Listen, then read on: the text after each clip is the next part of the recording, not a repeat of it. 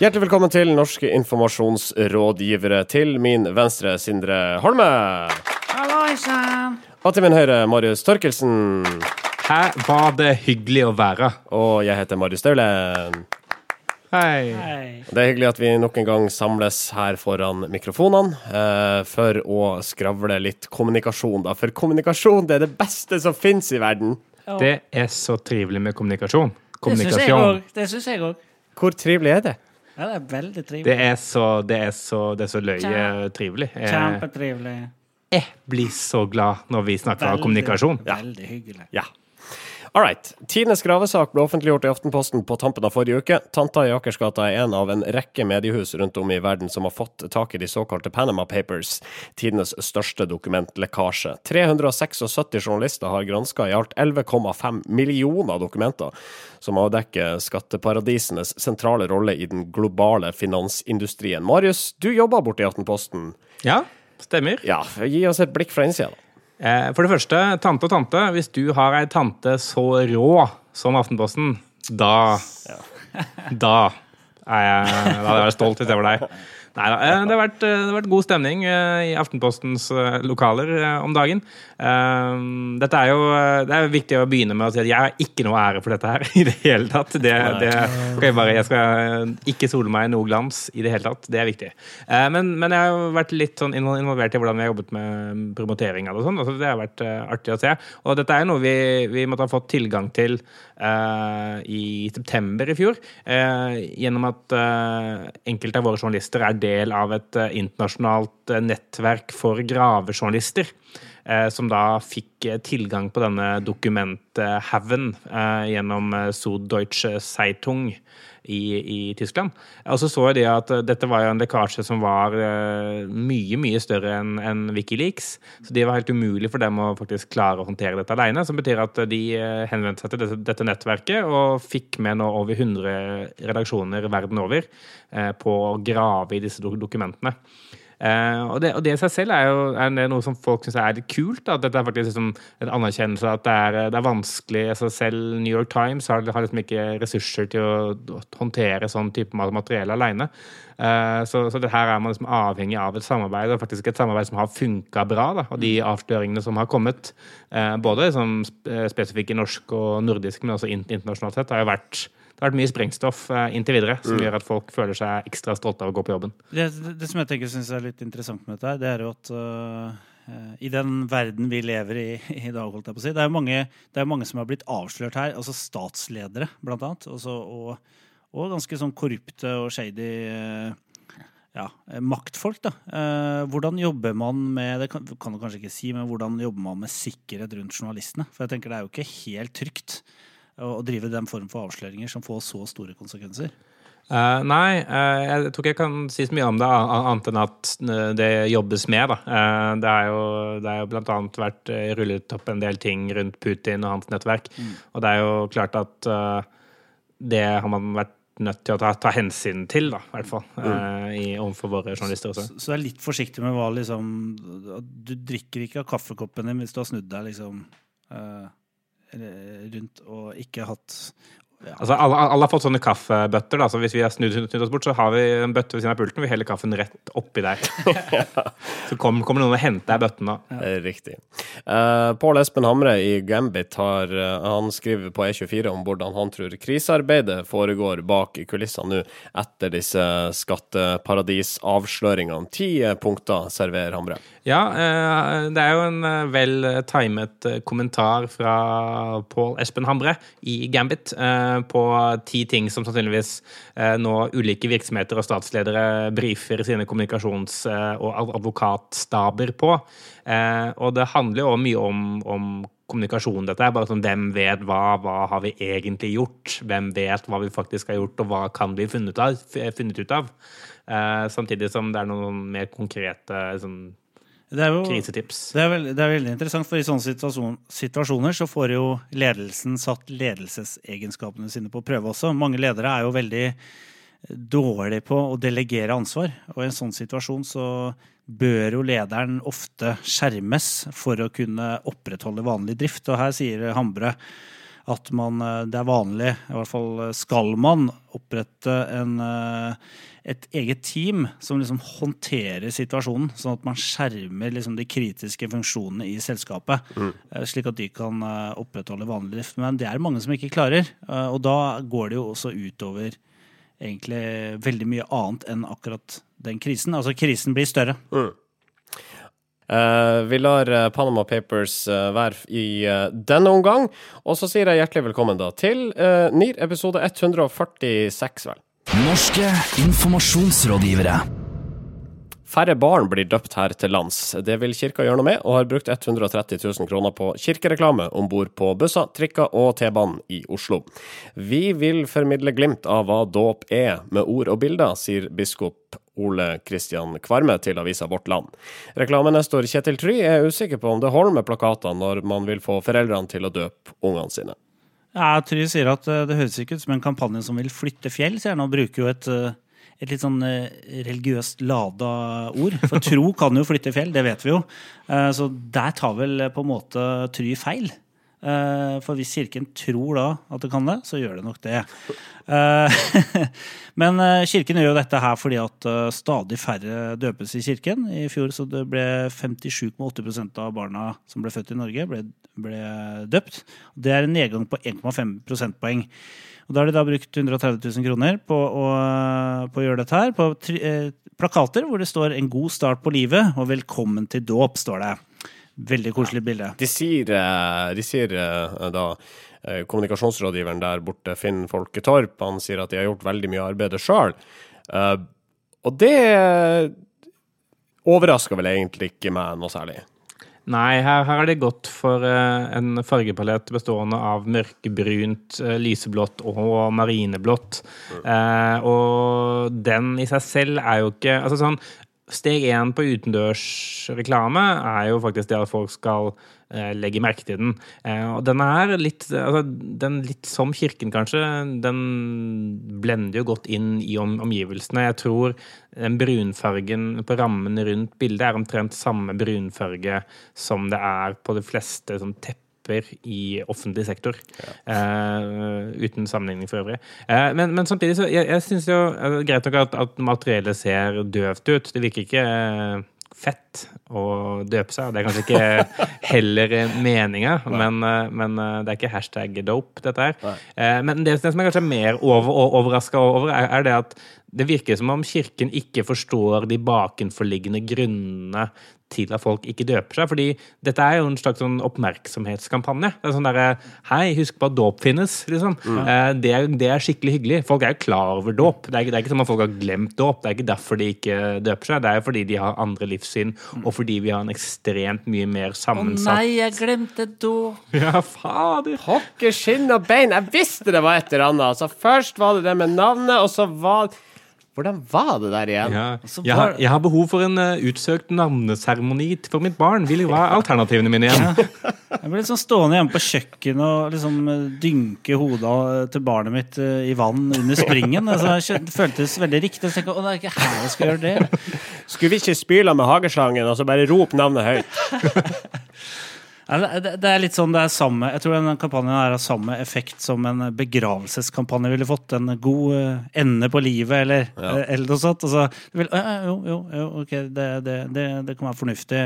Enten så altså, bekjenner du deg til kristne tro, så vil det jo vil du kjøpe tjenester i kirken, gjør du ikke det, så vil du garantert ikke bli overbevist av en kampanje på trikken. Men da høres det ikke ut som at det er så veldig mye for kirken å gjøre her. Altså, og da tenker jeg generelt, altså, da er det ikke nødvendigvis at kampanjen i seg sjøl er dårlig, det vil bare ikke fungere fordi at stadig færre ønsker å døpe kidsene sine.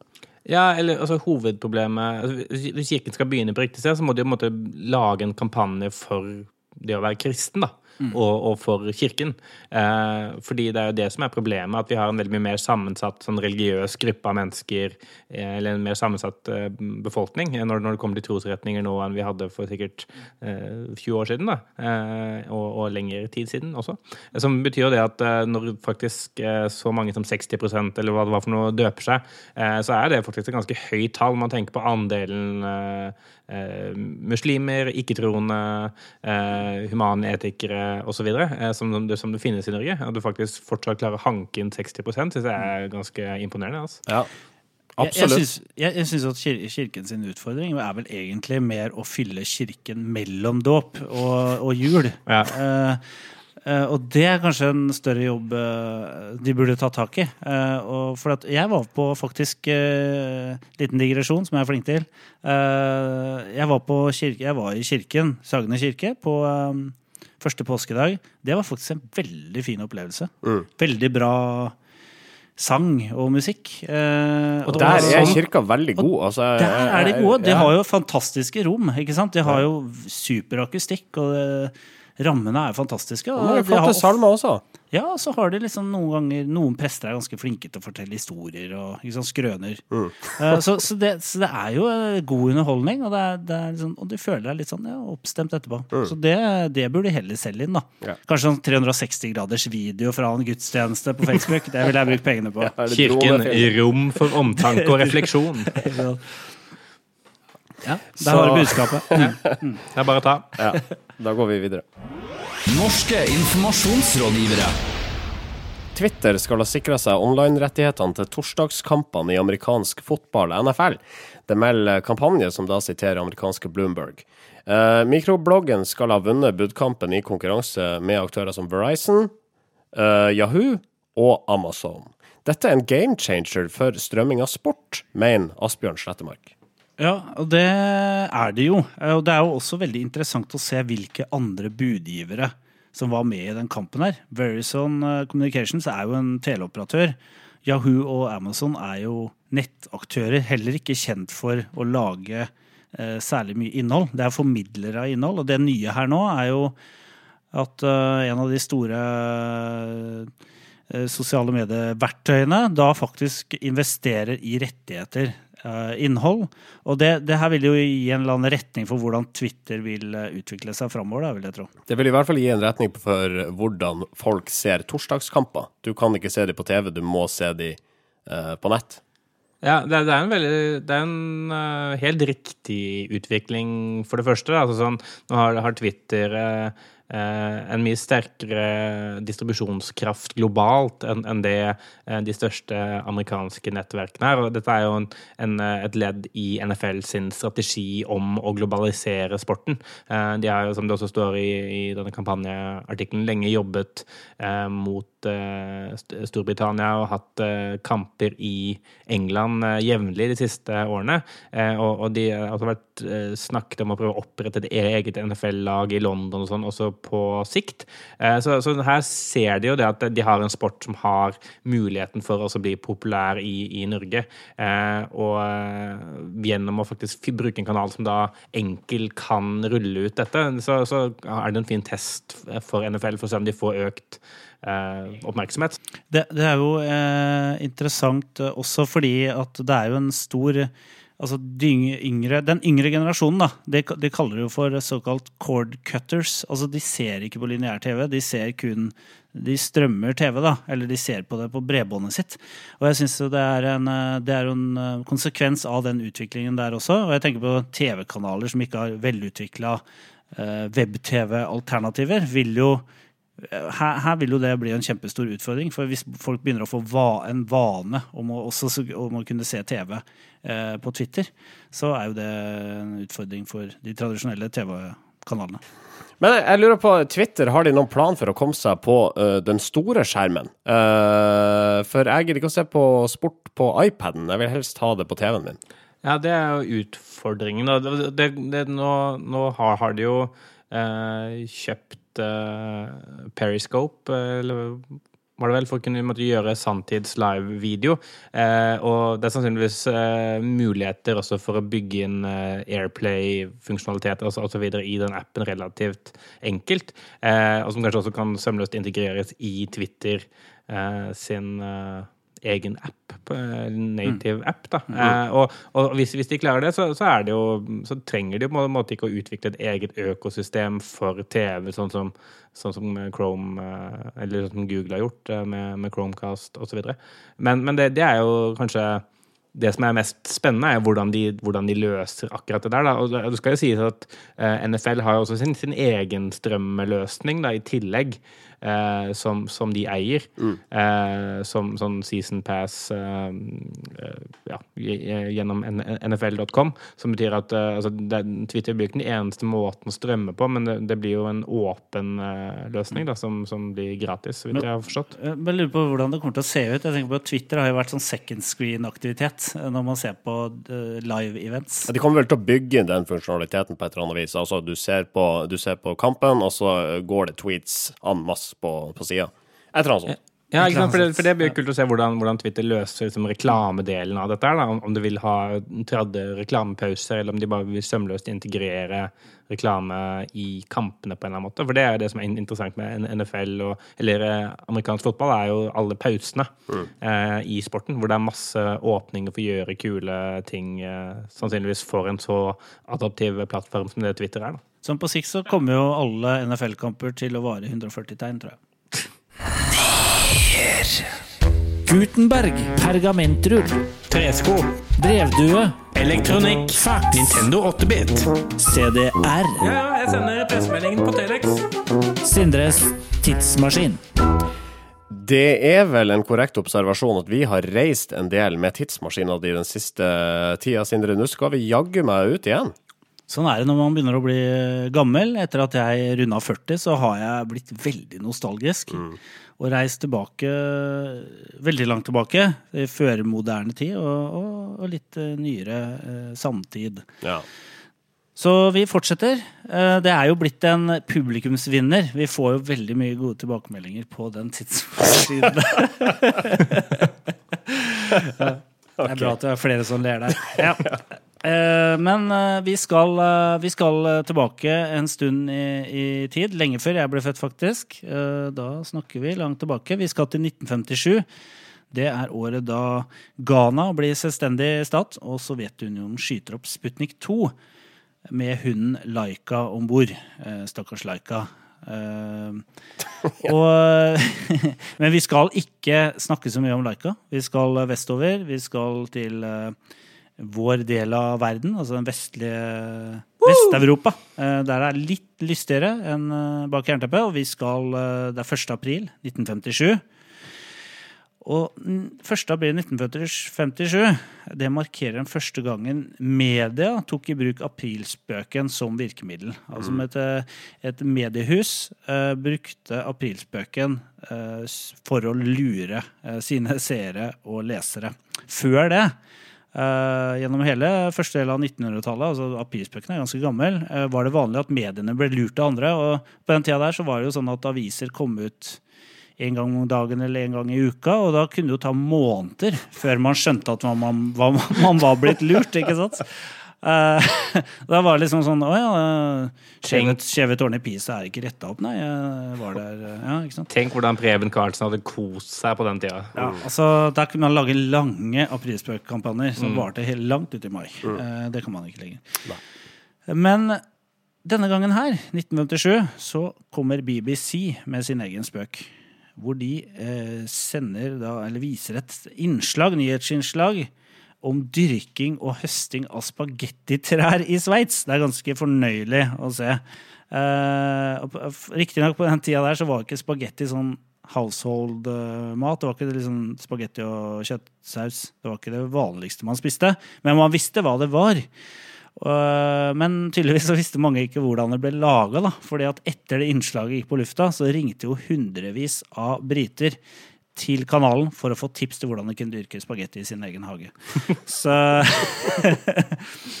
Eh, Det var en eh, artig og gjennomarbeida aprilspøk. Og BBC er jo vært et sånn foregangsmediehus innenfor aprilspøker.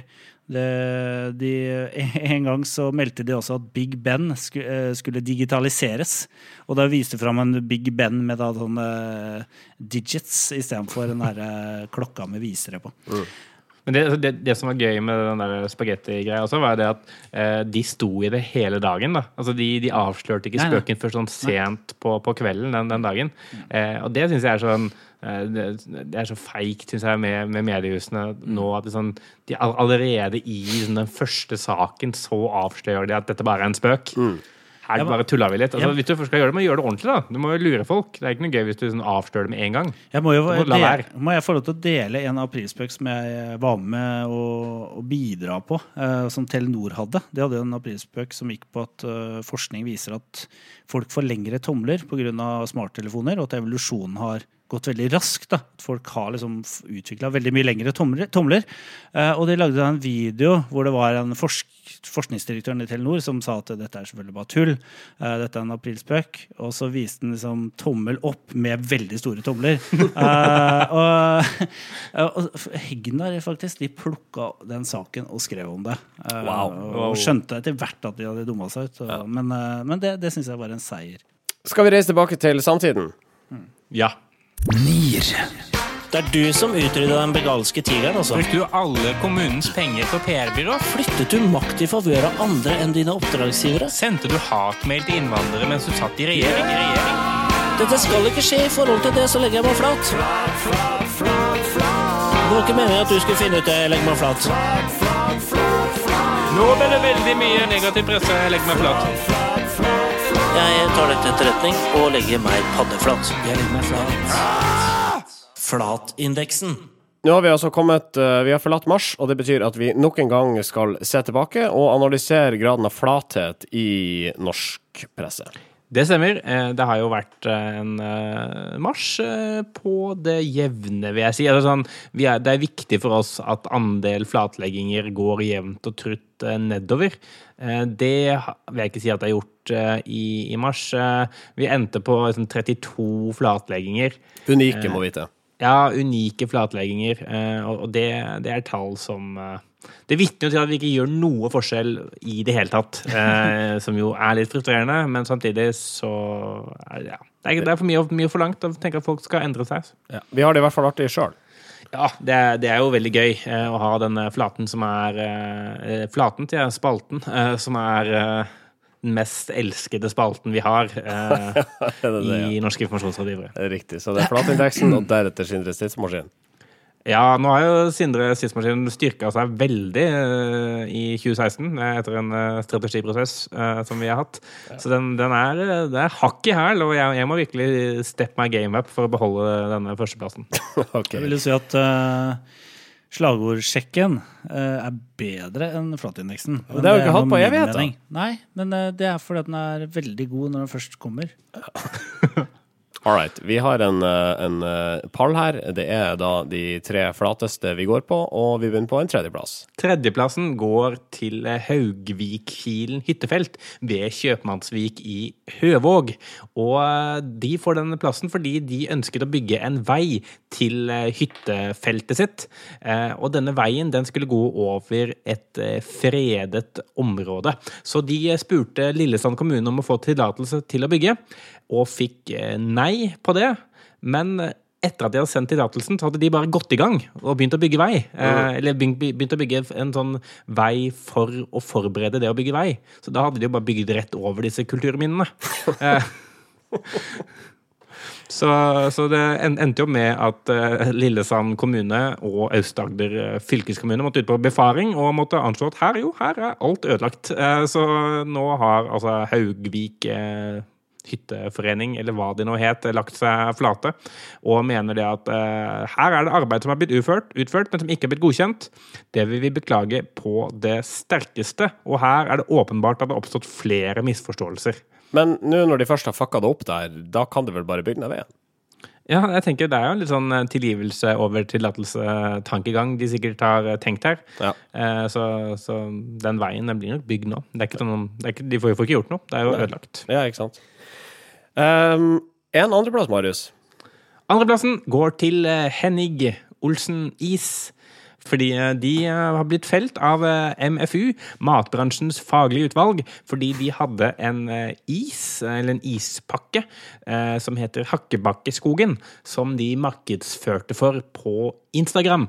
Og Hakkebakkeskogen på Instagram, det er tilsvarende Eller det mener i hvert fall MFU at er markedsføring mot barn. Og det er ikke lov når du driver med sukkerholdige produkter. Eh, I tillegg så hadde emballasjen da innstikk som kan benyttes til å lage et eget Hakkebakkeskogen-teater, som var veldig sånn barnehenvendt. Eh, og Henning Olsen Is eh, de er lei seg og beklager, og de har satt i verk tiltak for å unngå at noe lignende skjer igjen. Eh, ingen vet hva disse tiltakene er. Eh, men de legger seg altså flat, sier de i en pressemelding. Et tiltak er bare å legge ned Instagram-kontoen. Eh, Ja, det, det er et tiltak, eksempel. Og vi går rett til en førsteplass, Marius Thorkildsen. Førsteplassen eh, er en litt sånn artig sak, syns jeg. Den, den går til stortingspresident Ole Mitch eh, Thommessen fra Lillehammer. Eventuelt Ole Mike Thommessen. Eh, han er i hvert fall på jakt etter 200 millioner kroner. Uh, fordi han er eh, firmenning til Maria Bjørnson. Bjørnstjerne Bjørnsons barnebarn. Og hun eh, etterlot seg en formue på 200 millioner kroner når hun døde. Eh, Den, eh, denne formuen er plassert i skatteparadiset Guernsey. Og det betyr at det er ikke bare bare å få tilgang til denne uten å gå gjennom britiske myndigheter.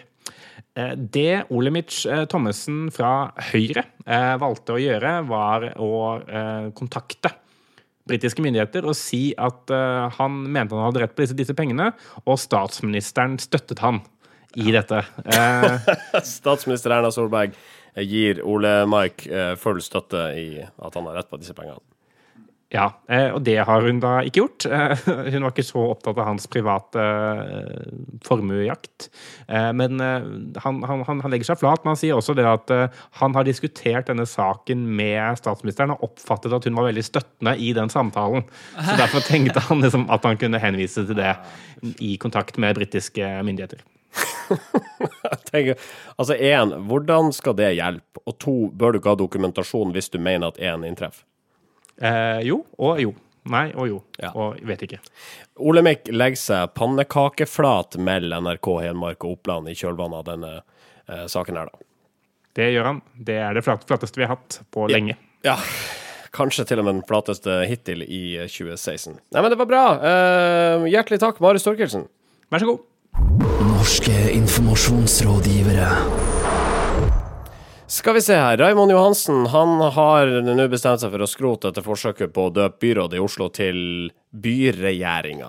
Ja, Raymond Hansen har jo vært i eh, mye i i det siste. Han har jo sin egen Rai Mobil, eh, som forurenser veldig mye og koster veldig mange penger. Som han eh, kjører rundt i Oslo med.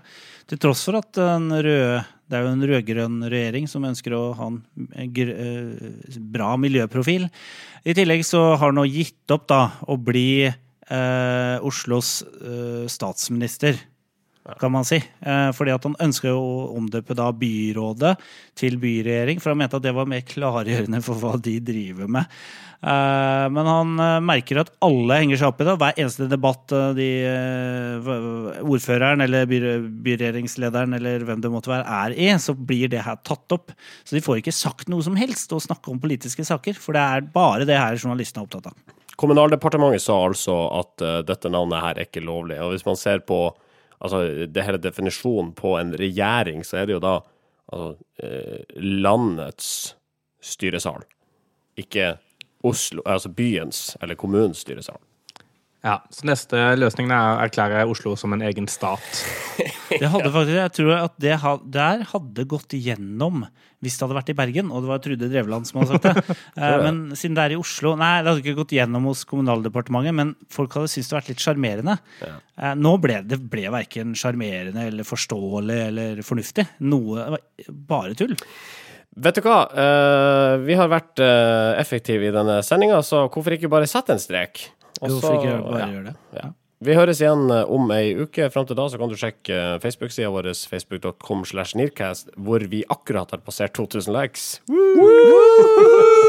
2000! 2000! Uh, Medie24, uh, Kreativt forum og Sommerliten. Ja. Og så høres vi igjen om ei uke. Og fram til da Ha det bra! Norske informasjonsrådgivere.